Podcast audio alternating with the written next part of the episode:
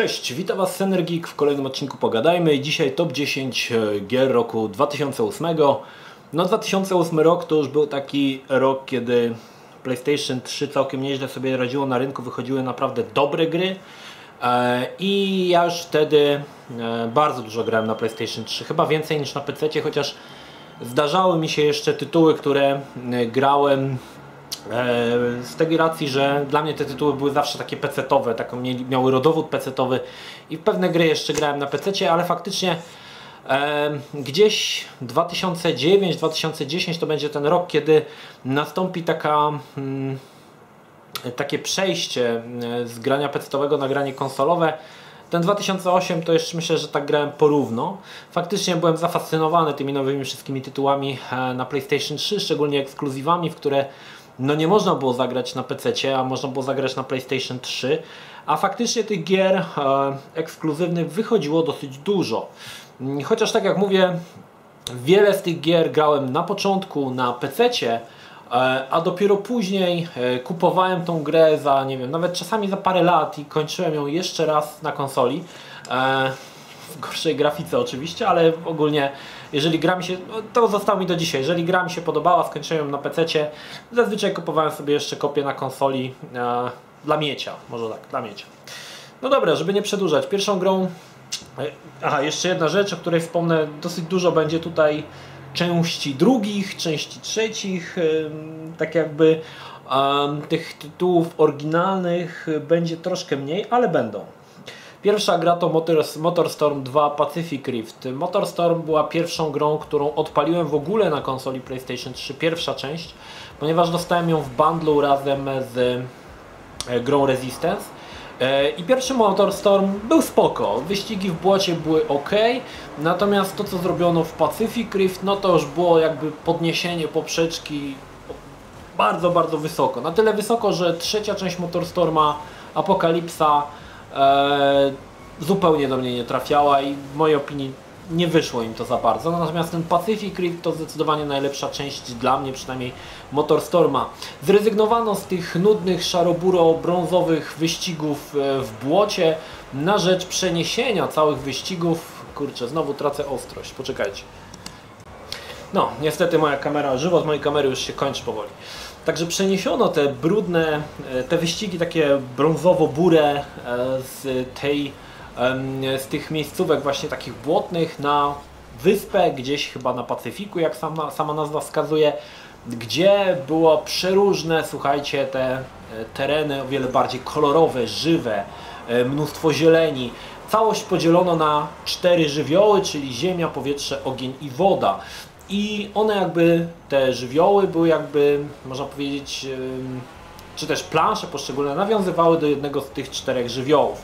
Na przykład ogień, no to były zazwyczaj jakieś tereny wulkaniczne, powietrze to e, plansze, po których bardzo dużo się skakało, woda, no to wiadomo, dosyć dużo wody, e, no i ziemia to można powiedzieć, że to było troszkę takie nawiązanie do tych błotnych wyścigów jeszcze z Motorstorma. E, ja muszę przyznać, że Pacific Rift zrobił ogromne wrażenie. Słuchajcie, to było do pierwszej części to, to było niebo do nocy, gdy zaczęło się grać i zobaczyłeś jak fantastycznie te plansze wyglądają, szczególnie te plansze, e, gdzie e, jechałeś wśród zieleni, jakieś na przykład wraki mijałeś japońskich samolotów, gdzieś przeskakiwałeś nad wodospadem, no to wyglądało po prostu świetnie. Muszę przyznać, że kiedy robiłem teraz gameplay, muszę, ta nagra nadal super wygląda, nadal nadal ma coś takiego, że chcesz w to zagrać, bo ona jest naprawdę świetna i te wyścigi, jak ja nie lubię ogólnie wyścigów, to Motorstorm, Motorstorm zawsze był taką grą, która e, robiła na mnie ogromne wrażenie i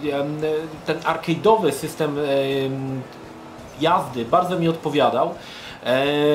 Motorstorm też wprowadził e, coś takiego jak Nitro. Oczywiście gra w Nitro w grach też się gdzieś tam się przewijała, natomiast tutaj miało on dosyć strategiczne znaczenie.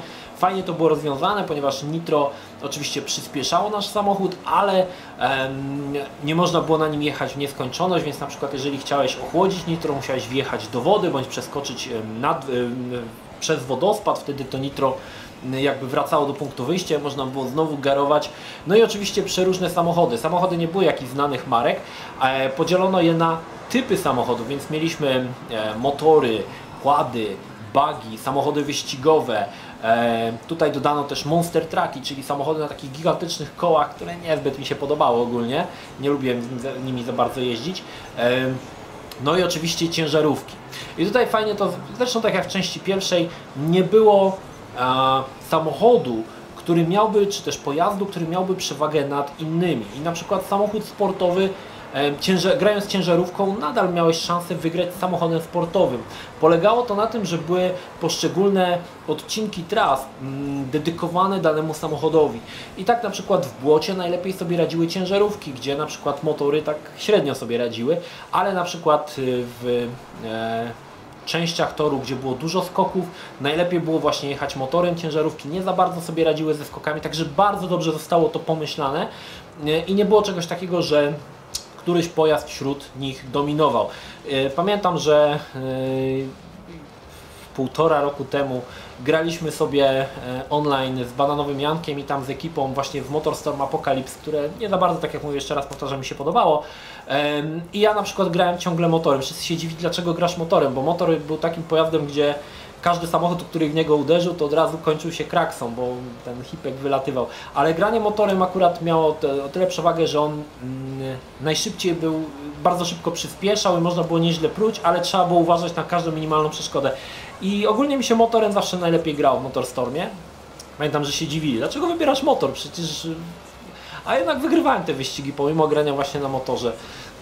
I słuchajcie, no ten Motorstorm E, zapadł mi w pamięć ogromnie. Nawet chciałem zrobić tam e, platynę, ale tam było jedno idiotyczne totalnie trofeum, gdzie trzeba było wygrać trzy wyścigi z rzędu e, w online, w wyścigach tych na, na, po sieci, co było dla mnie praktycznie niemożliwe, bo tam naprawdę byli tacy wymiatacze. Ja uważałem się, że jestem wymiataczem w Pacific Rift, ale jak zagrałem po sieci, no to mnie po prostu zabijało. Tam oczywiście dwa wyścigi czasami mi się udało wygrać, ale trzech nigdy mi się nie udało wygrać. E, a chciałem bardzo splatynować. Mnóstwo czasu poświęciłem Motorstormowi e, dwójce Pacific Rift, grałem w to bardzo dużo i polecam, słuchajcie, bo dzisiaj ta gra kosztuje tam 10 zł na Allegro. Jeżeli macie jeszcze PlayStation 3, kupcie, jeżeli nie graliście, zagrajcie sobie, zobaczcie jakie to są fantastyczne wyścigi, tak różne od tych Need for Speedów, Gran Turismo, bardziej arcade'owe, ale naprawdę sprawiające masę frajdy, nieziemską oprawą graficzną, czy dzisiaj to może już nie nieziemska, wtedy robiła ogromne wrażenie, ale nadal ta grafika się trzyma i te gry nadal wyglądają dobrze, także jeżeli macie szansę, jak najbardziej polecam zagrać. E, drugą grą jest horror, jedna taka, taki horror, można powiedzieć nowość, która w 2008 roku wyszła, czyli Dead Space i to była gra troszkę taka która tak wyskoczyła troszkę z kapelusza. Ja przyznam szczerze, że nie śledziłem jakichś e, losów wcześniejszych przed wydaniem tej gry, jakichś zapowiedzi, trailerów, jakoś to tak przelatywało koło mnie. E, no i gra oczywiście gdy wyszła, y, miałem, na początku miałem wersję PC-ową, to jest właśnie przykład, miałem wersję e, gry PC-ową, dopiero później, parę lat później, nie wiem, 4-5 lat później kupiłem sobie jeszcze raz kopię na PlayStation 3 za jakieś tam 10 zł i jeszcze raz y, z przyjemnością ją skończyłem, tym razem grając na konsoli. Dead Space był grą ta pierwsza część Dead Space'a to e, historia Isaaca Clarka, który przybywa na statek Ishimura, e, by no tak naprawdę by odnaleźć też swoją dziewczynę. E, cała gra była horrorem, można powiedzieć takim survival horrorem, jednakże różnym od e, chociażby Resident Evil, gdzie tutaj mieliśmy raczej głównie gra była nacelowana, nakierowana na walkę z nekromorfami. I fajny patent, który wprowadziło, wprowadzili twórcy, to to, że nekromorfy to były tacy, takie maszkarony, po co ja tłumaczę, większość z Was grała, no ale już tak, dla kronikarskiego obowiązku.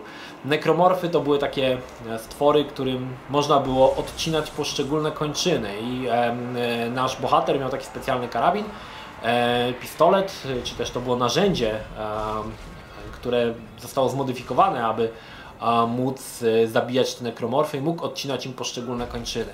E, Dead Space mi się strasznie podobał, muszę przyznać. I pierwszy raz, gdy grałem na PC, no muszę przyznać, że była to jedna z tych niewielu gier, które ostatnimi czasy udało, którym ostatnimi czasy udało się mnie przestraszyć. Dead, no, oczywiście Dead Space korzystał z tych najprostszych metod straszenia, czyli głównie scary jumpów, czyli wchodzisz do jakiegoś pomieszczenia, wszystko jest cicho, tego i nagle ci nekromorfy wylatują ze wszystkich stron e, z rozdzierającym krzykiem czy też wrzaskiem.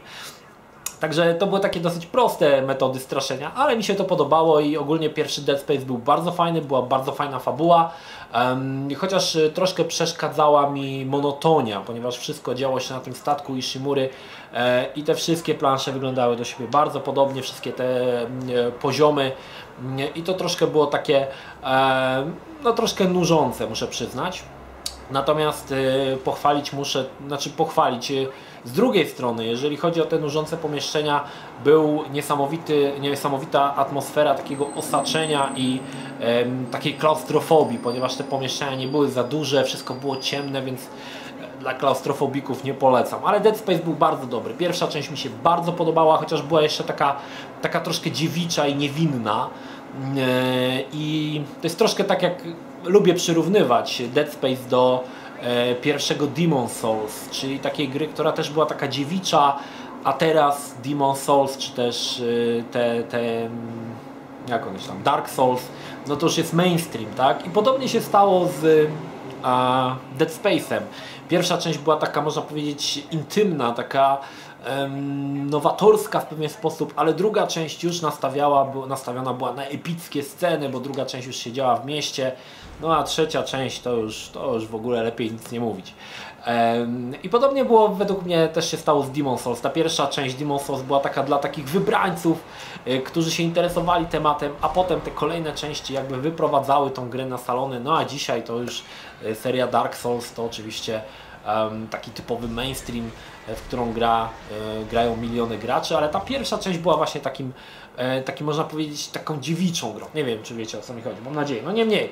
Dead Space fantastyczna gra, polecam, jeżeli nie graliście. Polecam całą trylogię, bo tak naprawdę chociaż ta trzecia część troszkę mm, nie dawała rady, ale była też niezła. Ze wszystkich Dead Space'ów najbardziej mi się chyba jednak podobała część druga. Przez to chyba, że wprowadzono troszkę więcej tych terenów otwartych e, i miasto bardziej do mnie trafiało niż statek Ishimura. E, niemniej jednak ta pierwsza część jest tą częścią, która najbardziej e, straszy, ponieważ te drugie gdzieś ten strach ulatywał, ale ta pierwsza część jest tą chyba najbardziej najbardziej straszną. I tutaj muszę jeszcze Wam powiedzieć ciekawostkę, bo nagrywając teraz gameplay, pamiętam, że w jakiejś recenzji, nie pamiętam gdzie, czy w PSX-ie, czy gdzieś na internecie czytałem, że e, autorzy zastosowali ciekawy zabieg, że w pierwszej części tak naprawdę nigdy nie widzisz twarzy naszego bohatera Izaka Clarka. I tak się stało, że można zobaczyć tą twarz i nagrywając gameplay odkryłem to. W jednej z y, cutscenek można kamerę obrócić tak, że twarzy naszego bohatera widać.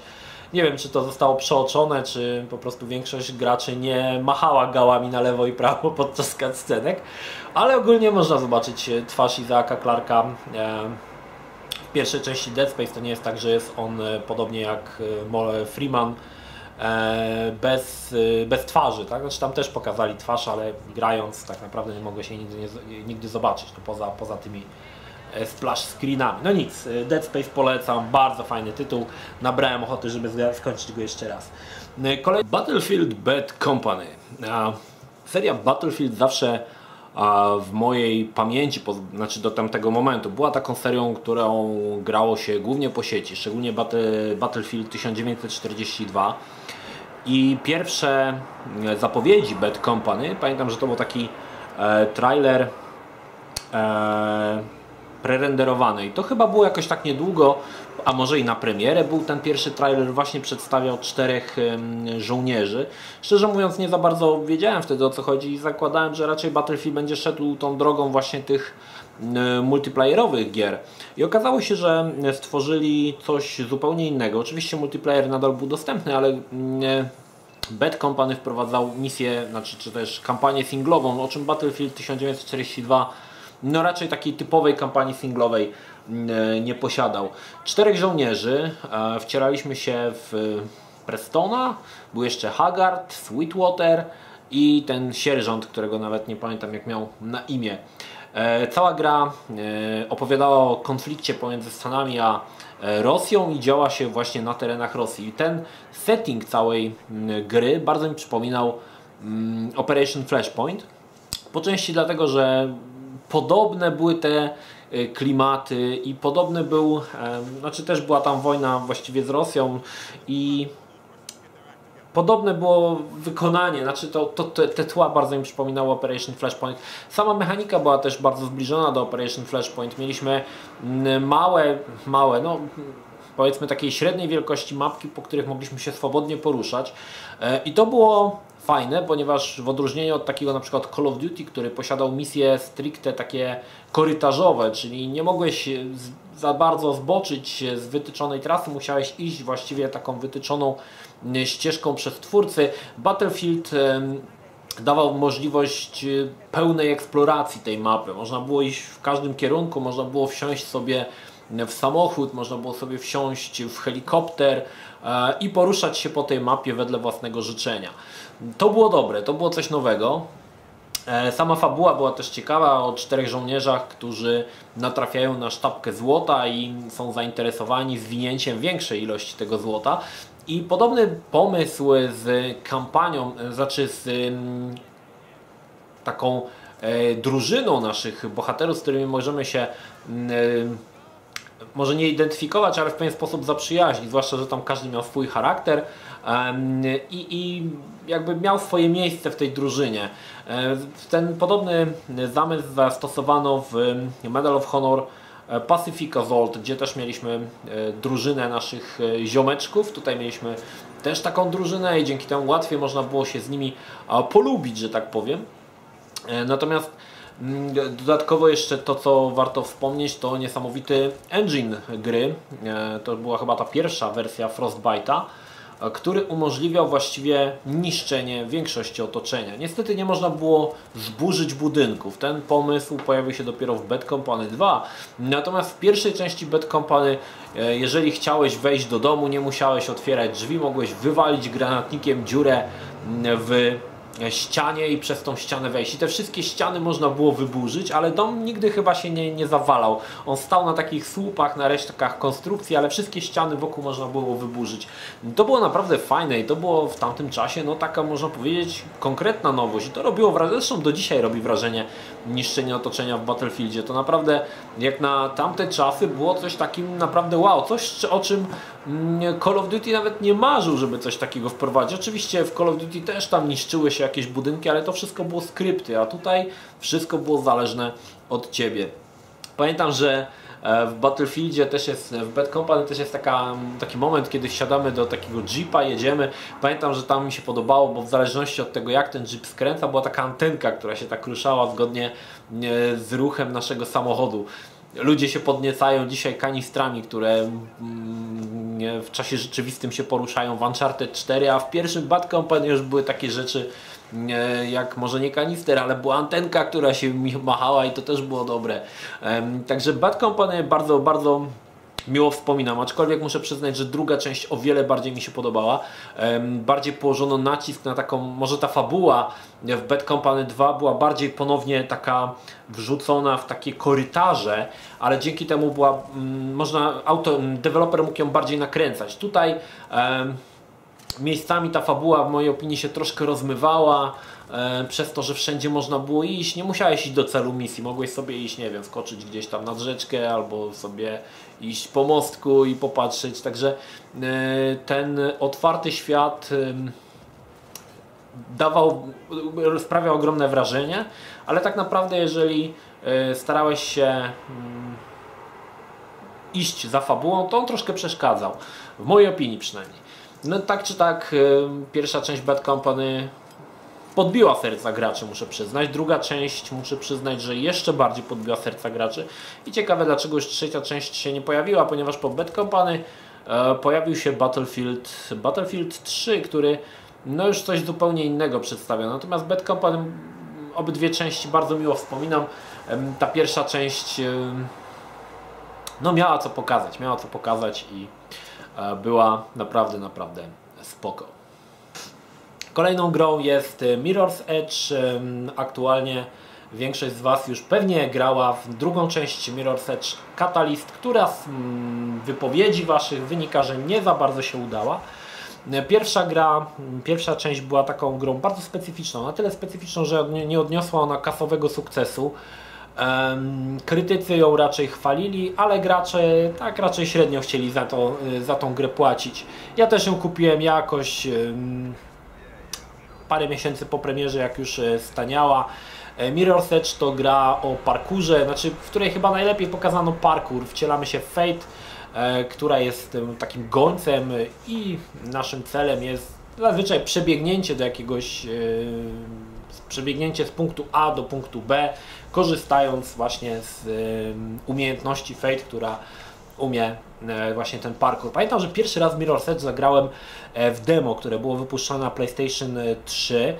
I Strasznie mi się ta gra podobała. To było naprawdę coś niesamowitego. Było bardzo intensywna, bardzo taka e, emocjonująca, gdy się biegło i te, tam były te rzeczy, które mogłeś, na przykład po których mogłeś przebiec bądź się złapać, były zaś podświetlone na czerwono. No to jest w ogóle całkiem, podobał mi się cały design świata, ale o tym za chwilę.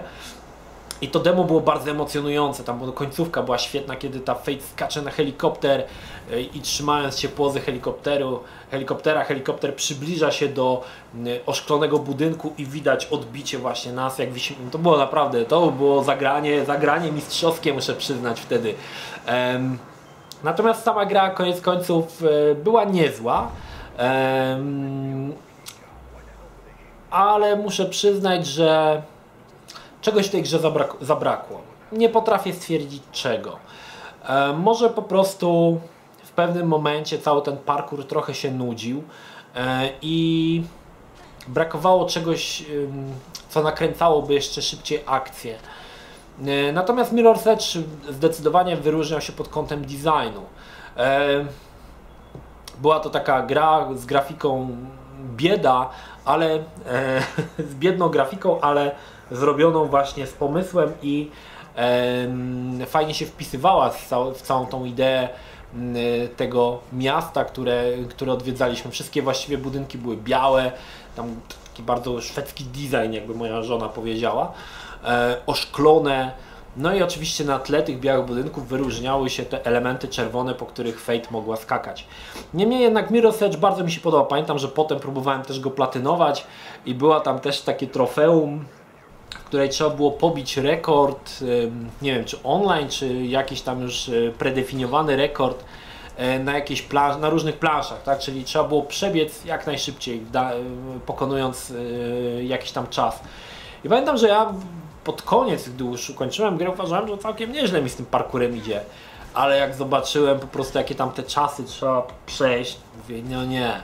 I jak zobaczyłem, słuchajcie, bo wtedy jeszcze byłem trophy whore, także e, na internecie lukałem, jak to tam ci ludzie przechodzą tego Mirror's Edge'a, żeby ten czas pokonać. Jak zobaczyłem na YouTubie, co ci ludzie wymyślają.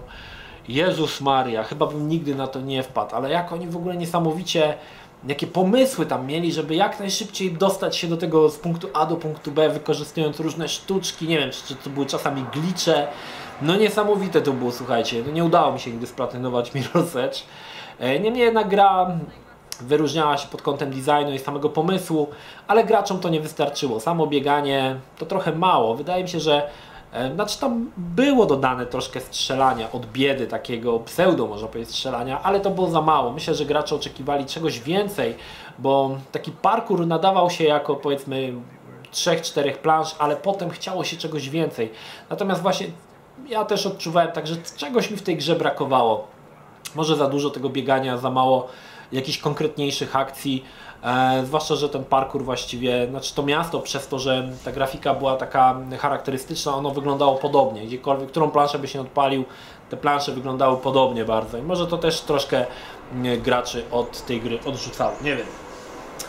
E, Piątą grą to piątą grą jest Fallout 3. Fallout 3 e, jako, że nie gram w RPG, ale Falloutika nigdy sobie odmówić nie mogłem. Jest to jedna z tych serii, które bardzo chętnie po które bardzo chętnie sięgam. Teraz będę grał dopiero w czwórkę.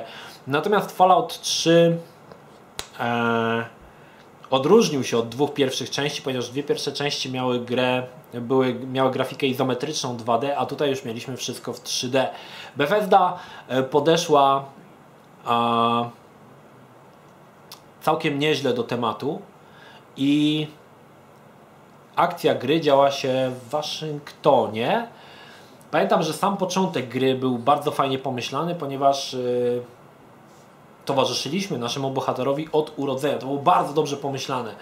I jako dzieciak uczyliśmy się chodzić. Pamiętam, że na początku wybieraliśmy płeć. to było fajnie, fajnie pomyślane, bo dorastaliśmy z naszym bohaterem i w pewien sposób już na samym początku gry mogliśmy się z nim zżyć.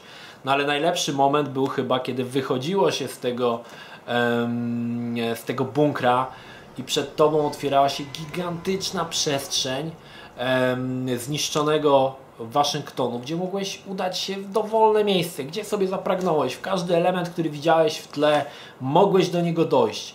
To robiło wrażenie, słuchajcie. Ta niesamowita wolność w tej grze. Oczywiście tereny może nie były tak rozległe jak chociażby w Oblivionie czy w Morrowindzie, ale tutaj przez to, że te tereny były mniej pagórkowate, widziałeś dalej i odczuwało się większą wolność niż e, w serii właśnie The Elder Scrolls. Przynajmniej jak to, ja to tak odczuwałem. No i tam, wiecie, wychodzi się na, na ten, ten teren gigantyczny, zniszczone domy. Pamiętam, że e, Fallout miał fantastyczny sposób opowiadania historii poprzez tak zwany environment storytelling, czyli historie, które musiałeś często opowiadać sobie sam.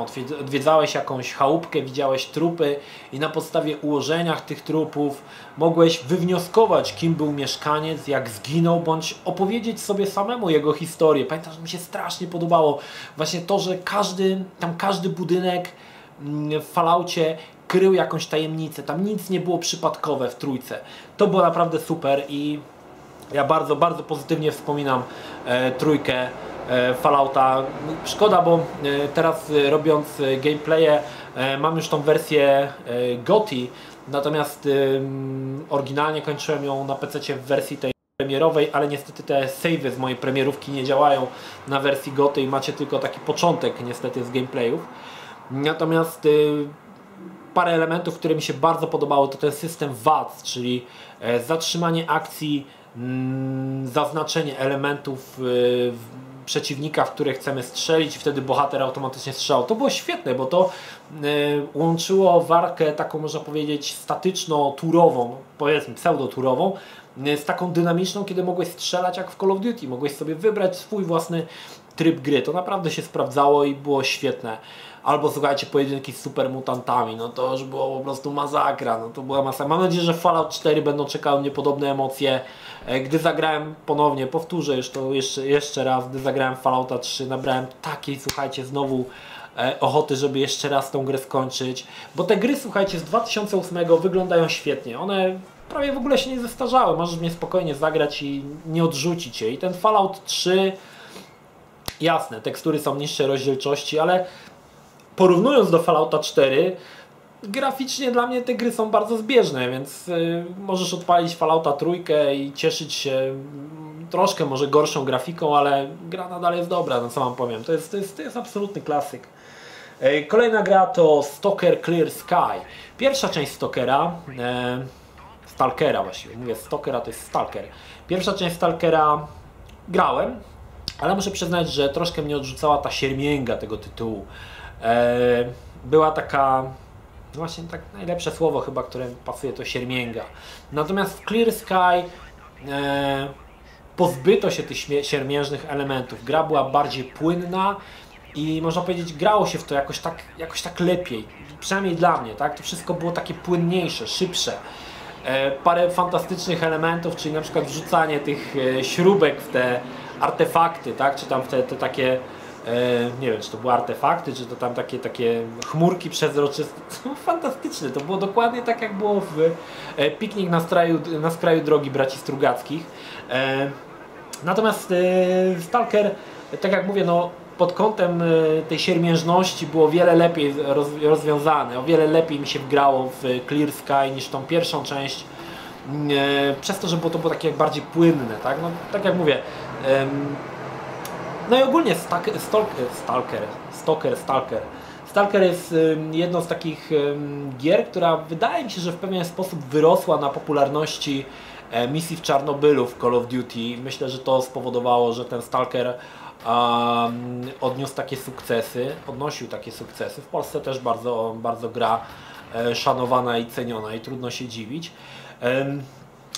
No i cóż mogę powiedzieć, no, przyznam szczerze Wam się, że nie pamiętam dokładnie fabuły. Za dużo czasu minęło odkąd skończyłem Clear Sky. Co prawda mogę powiedzieć tylko to, co już mówiłem wcześniej, gdy odpaliłem, mówię, no nie, jaka ta gra jest super, muszę w nią zagrać jeszcze raz, pewnie wszystkie te gry będę grał. Zostawiam Stalkera, Stalkera z taką e, troszkę e, powierzchownymi informacjami, ale wynika to z tego, że e, minęło za dużo czasu, już nie pamiętam dokładnie o co w tej grze chodziło. Kolejna gra Mass Effect. Mass Effect, który pojawił się rok wcześniej na Xbox 360. Czytałem recenzję w PSX Extreme. I tak poczytałem, mówię, jakieś tam kosmos, latanie statkiem, strzelanie do jakichś tam obcych. Nie, nie, nie dla mnie, nie dla mnie. Jeszcze tony dialogów, pewnie zamulanie totalne. Jakoś tam o tej grze zapomniałem. Rok później wyszła wersja PC-towa. Przyszedł do mnie kolega i przyniósł mi tą wersję PC-tową do sprawdzenia. Pierwsze odpalenie. Wsiąkłem. Wsiąkłem w Mass Effect. E, elementy, które mi się podobały w tej Mass Effect, no żeby tak szybko je wymienić, to naprawdę ich było sporo. Ale całkowicie odmieniło mój punkt widzenia na tą grę, co jest dosyć trudne. Ogólnie byłem do niej negatywnie nastawiony, ale jak odpaliłem i pierwsza scena, kiedy komandor Shepard idzie pomiędzy po statku Normandii i mija tych wszystkich swoich ziomeczków, to już dało taki filmowy, to już mówię, no ta gra będzie tak niesamowicie filmowa, że ja, ja, już się zakochałem w tej grze. Ale oczywiście potem doszły dialogi, fantastycznie, chyba najlepiej zrealizowane dialogi w jakiejkolwiek grze, gdzie dialogi, jeżeli oczywiście mm, odpowiadałeś w, w odpowiednim momencie, były bardzo płynne, te rozmowy były strasznie płynne, one e, nie były na zasadzie, nie wiem, na przykład obliwiona, tak, czyli zadajesz pytanie, ktoś ci zadaje pytanie i stoi jak kołek się tak kiwa i czeka aż odpowiesz. Tu było to strasznie płynne, dodatkowo zmienna e, kamera zmieniała kąty, pokazywała rozmówców, pokazywała naszego bohatera, to wszystko tak było właśnie tak jak, jak w filmach. I to, to faktycznie się udało. to jest jeszcze ciekawą rzecz, bo gdy pierwszy raz odpaliłem e, Mass Effect, tak jak mówiłem, na PC byłem dosyć negatywnie nastawiony. I tam się tworzy tego kap kapitana Sheparda i stworzyłem jakąś taką brzydką babę. I potem jak zobaczyłem, że tą babą muszę grać i ona w cutscenkach się pojawia, musiałem jeszcze raz odpalić i stworzyć jeszcze raz. Po drugi raz już grałem tym standardowym kapitanem Shepardem, czyli tym em, o tym defaultowym wyglądzie, tak? Niemniej jednak potem na, nadeszły czasy, kiedy była, znaczy w Mass Effect oczywiście ta pierwsza misja e, na Eden Prime, no i to strzelanie było świetne, słuchajcie. Dodatkowo no, to, to, ta gra była rewelacyjna. Muszę przyznać, że fakt faktem, może grafika troszkę odstawała od y, ówczesnych standardów, ale grało się w to fantastycznie. No i powiem Wam szczerze, że tak mnie wessał Mass Effect, że ja skończyłem to za trzema czy czterema posiedzeniami, grając naprawdę wiele godzin.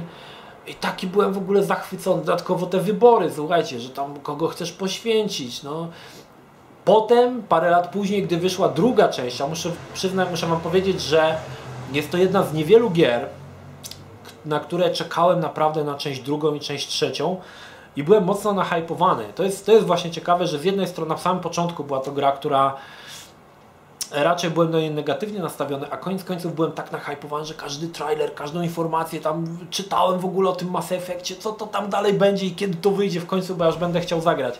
No i oczywiście fantastyczna rzecz, którą um, BioWare wprowadził to przeniesienie save'ów pomiędzy poszczególnymi częściami. Także wszystkie wybory, które zrobię, dokonałem w części pierwszej, przeniosły się na część drugą. No to słuchajcie, no, no absolutne mistrzostwo świata, no to było to.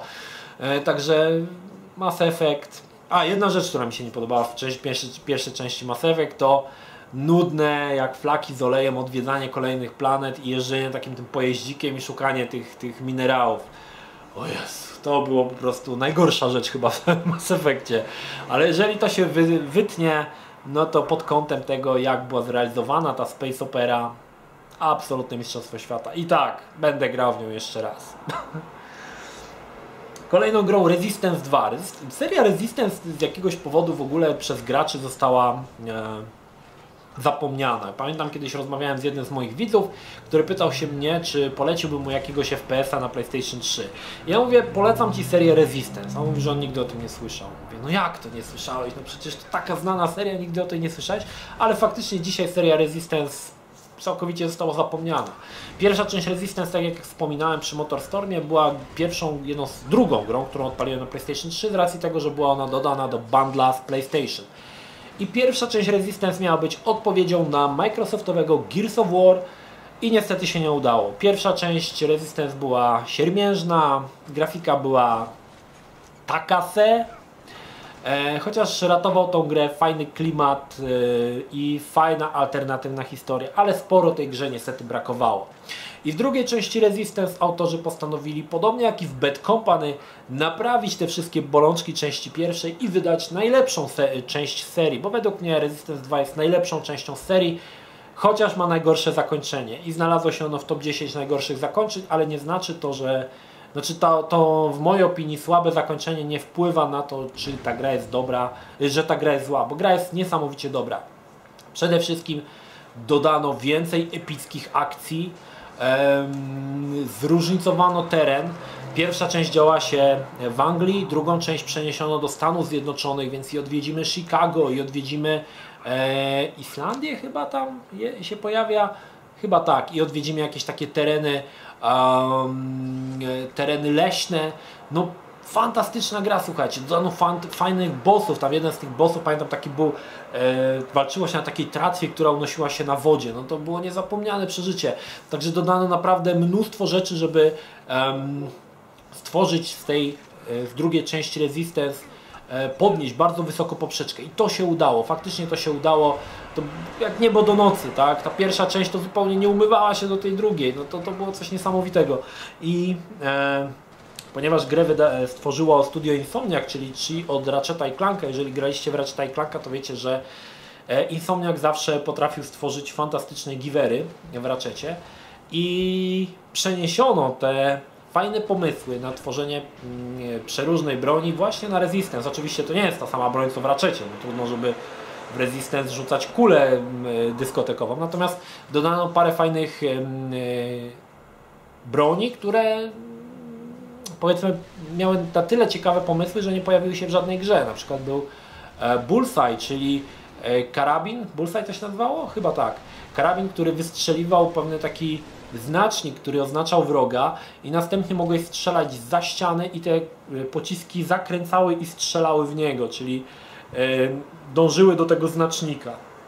Albo ten karabin, który strzelał przez ściany. No to było genialne, genialne w swojej prostocie, ale karabin, który strzela przez ściany. E, który widzi wroga i widzisz te wiązki, które przelatują przez ścianę. No słuchajcie, no absolutne mistrzostwo. Oczywiście nadal walczymy z Chimerą, ale tym razem, no tak jak mówię, bardziej epicka ta gra była. O wiele, o wiele bardziej się postarano e, w stworzeniu fantastycznych poziomów, te fantastyczne, te poziomy leśne, naprawdę sugestywny klimat, szczególnie ten poziom nie pamiętam w jakim to było rejonie dokładnie, ale gdy idziesz przez las i atakują cię takie niewidzialne stwory, które chyba trochę były wzorowane na Predatorze, bo wyglądały właściwie identycznie, no to robiło, robiło, powiem Wam, klimat, no naprawdę robiło.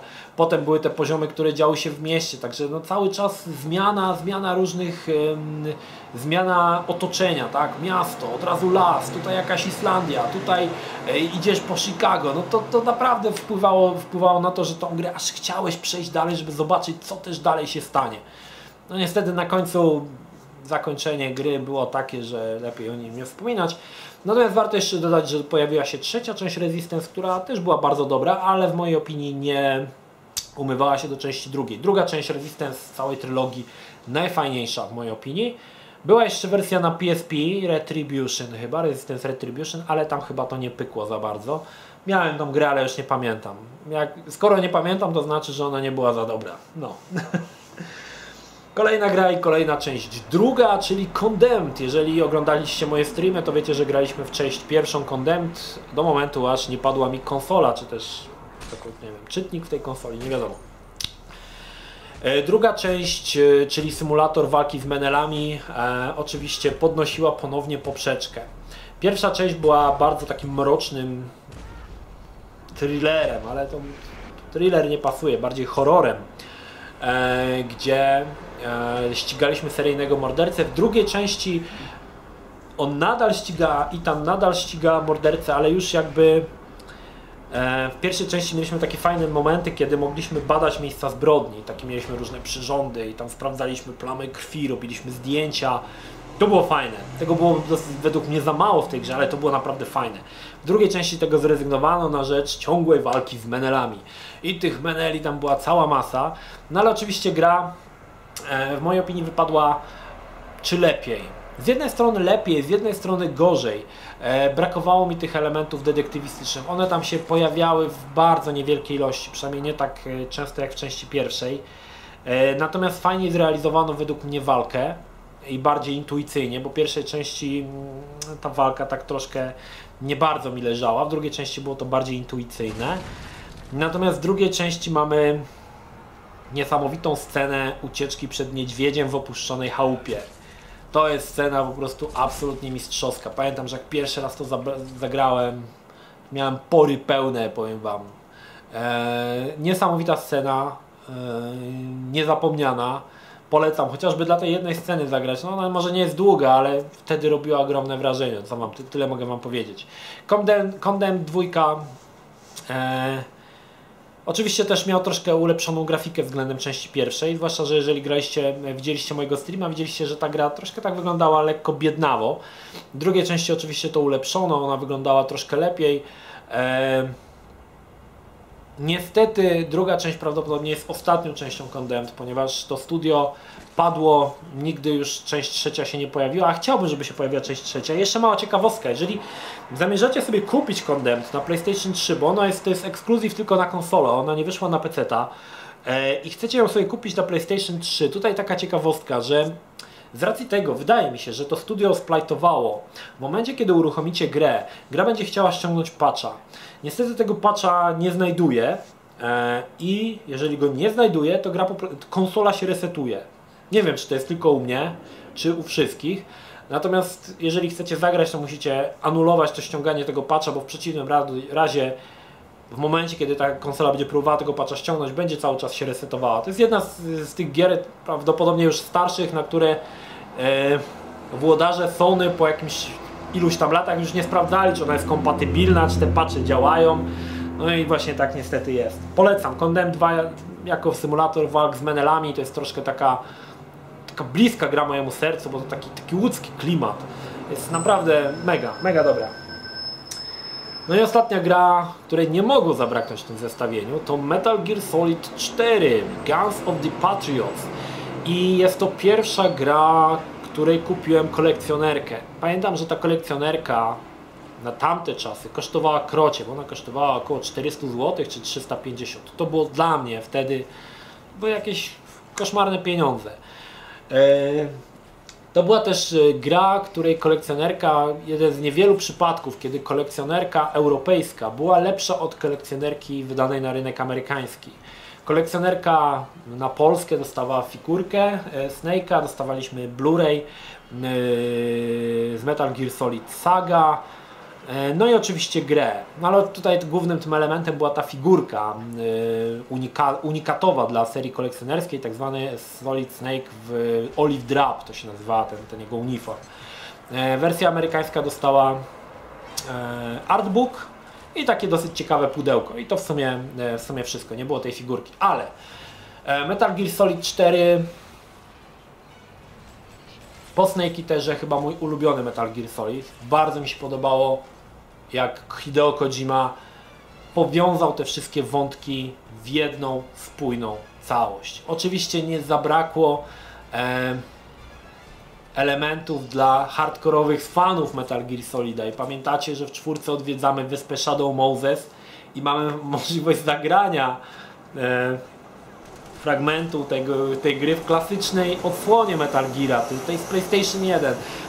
W mojej opinii Metal Gear Solid 4 to ostatni Metal Gear, przy którym Hideo Kojima naprawdę dał z siebie wszystko. Po czwórce te wszystkie gry na PSP, Peace Walker, Phantom Pain, to już były popłuczyny. Czwórka była ostatnią tak dopracowaną grą serii, w mojej opinii przynajmniej. E, do klasyki dochodzą niesamowicie długie przerywniki filmowe. Mam te wszystkie przerywniki filmowe zrobione na, znaczy zrzucone na e, komputer od czasu do czasu sobie lubię je obejrzeć, tak, lubię obejrzeć cutscenki z Metal Geara, bo siłą Metal Geara jest oczywiście niesamowita fabuła, filmowa akcja pojedynek Wampa z Raidenem, niesamowity, e, niesamowita scenka, to wszystko liczone w czasie rzeczywistym, to było niesamowite w ogóle. Hideo Kojima zawsze szedł w tą stronę, żeby cutscenki były w czasie rzeczywistym i w drugiej części, w pierwszej, i w trzeciej i także w czwórce, wszystko liczone na engine gry. E, I muszę przyznać, że ten Metal Gear Solid 4 on nadal niesamowicie wygląda. To jest, to jest e, to, że ja odpaliłem grę i mówię, kurde, jak ta gra dobrze wygląda. Co ciekawe, ona działa w Full HD, w 1080p na PlayStation 3. Tylko nie wiem, czy w natywnym, czy w, inter, w, inter, w interpolowanym, aż tak bardzo się nie przyglądałem, ale samo to, że ona działa w Full HD. Oczywiście Hideo Kojima napakował do gry gigantyczną ilość smaczków, e, easter eggów, które potem wiele, przez kolejne miesiące gracze odnajdywali. To jest właśnie piękno tego, że to jest jeszcze ta gra z tych czasów, kiedy dostawałeś grę, odpalałeś sobie, odnajdywałeś easter eggi. To nie było tak, że odpalałeś grę i już wszystko o niej wiedziałeś, tak jak teraz, tak? Z trailerów, gameplay, ze wszystkiego. Hideo Kojima bardzo, bardzo mm, ta, ta cała jego kampania reklamowa gry była bardzo przemyślana. On podrzucał takie malutkie kąski, takie okruszki, z których tak naprawdę nie za wiele mogłeś wywnioskować. Natomiast e, gdy odpalałeś tą grę, nie czułeś, że straciłeś coś przez to, że oglądałeś trailery. I to było, to było niesamowite. Dzisiaj, dzisiaj już tak się nie robi. Dzisiaj odpalasz grę, już wszystko o niej wiesz, nawet na zakończenie, bo już wszystko ci deweloperzy powiedzą, zanim tą grę kupisz. Także to były fajne, fajny, fajny, fajny mod. Podobało mi się to w Metal Gear Solidzie oczywiście, że e, sterowało się starym Snake'iem. E, wzruszające, chwytające przynajmniej mnie, wielkiego fana serii. Co to za... Czekajcie, tu jakieś w ogóle czołgi jadą, czy tam coś. Chwytające za serce zakończenie. E, rewelacyjne pomysły sam ten pomysł z Octocamo to była oczywiście e, ewolucja tego, co mieliśmy w Snake Eaterze trójce. Tutaj ten Octocamo jakby automatycznie się dopasowywał do podłoża. Pomysł rewelacyjny, absolutnie rewelacyjny. Cutscenki, e, które chyba żadna gra nie ma tak dobrych cutscenek jak Metal Gear Solid 4. Przynajmniej tych oczywiście liczonych na e, silniku z gry. No może Uncharted 4 dopiero mu się udało. E, ale to były niesamowite, słuchajcie, te wszystkie cutscenki, te pomysły, które Hideo Kojima wplótł w tą grę. E, e, na przykład to, że mogłeś robić zdjęcia, e, miałeś tego robocika, mm, MK2 chyba on się nazywał, Mark II, którym mogłeś się poruszać. Oczywiście wszystkie postacie, które lubiłeś z Metal Gear wracają w tej ostatniej epickiej, epickiej odsłonie Metal Geara aby się pojawić, zagrać swoją rolę e, i to wszystko się składało do kupy. To było niesamowite, jak udało mu się połączyć te wszystkie wątki do kupy e, i zamknąć tą serię bardzo dobrym, tak jak mówię, chwytającym za serce zakończenie. Dla wielu Metal Gear Solid 4 to też gra, w którą mniej grasz, a więcej oglądasz. I to jest prawda. Ilość cutscenek w tej grze, o ile dobrze pamiętam, to około 11 albo i nawet godzin. Eee, to jest trochę tak, że grasz 10 minut i oglądasz 20 minut cutscenki. Ale to jest yy, taki znak rozpoznawczy Hideo Kojimy. Jeżeli tego nie akceptujesz, no to po prostu nie akceptujesz i nie grasz. Dla fanów, zresztą jaki był w ogóle raban, kiedy Phantom Pain, że tak mało cutscenek w ogóle w tym fan. O co to w ogóle ma być, że tak mało cutscenek? Yy, natomiast yy, Guns of the Patriots tą ilość cutscenek podniósł do absurdalnych, absurdalnych czasów. Zresztą tak jak mówię, no, Metal Gear Solid 4 jest w księdze rekordów Guinnessa, ponieważ znajduje się tu najdłuższa cutscenka, która trwa ponad 70 minut. E, no ale albo to bierzesz, albo nie. To jest to. Jest to.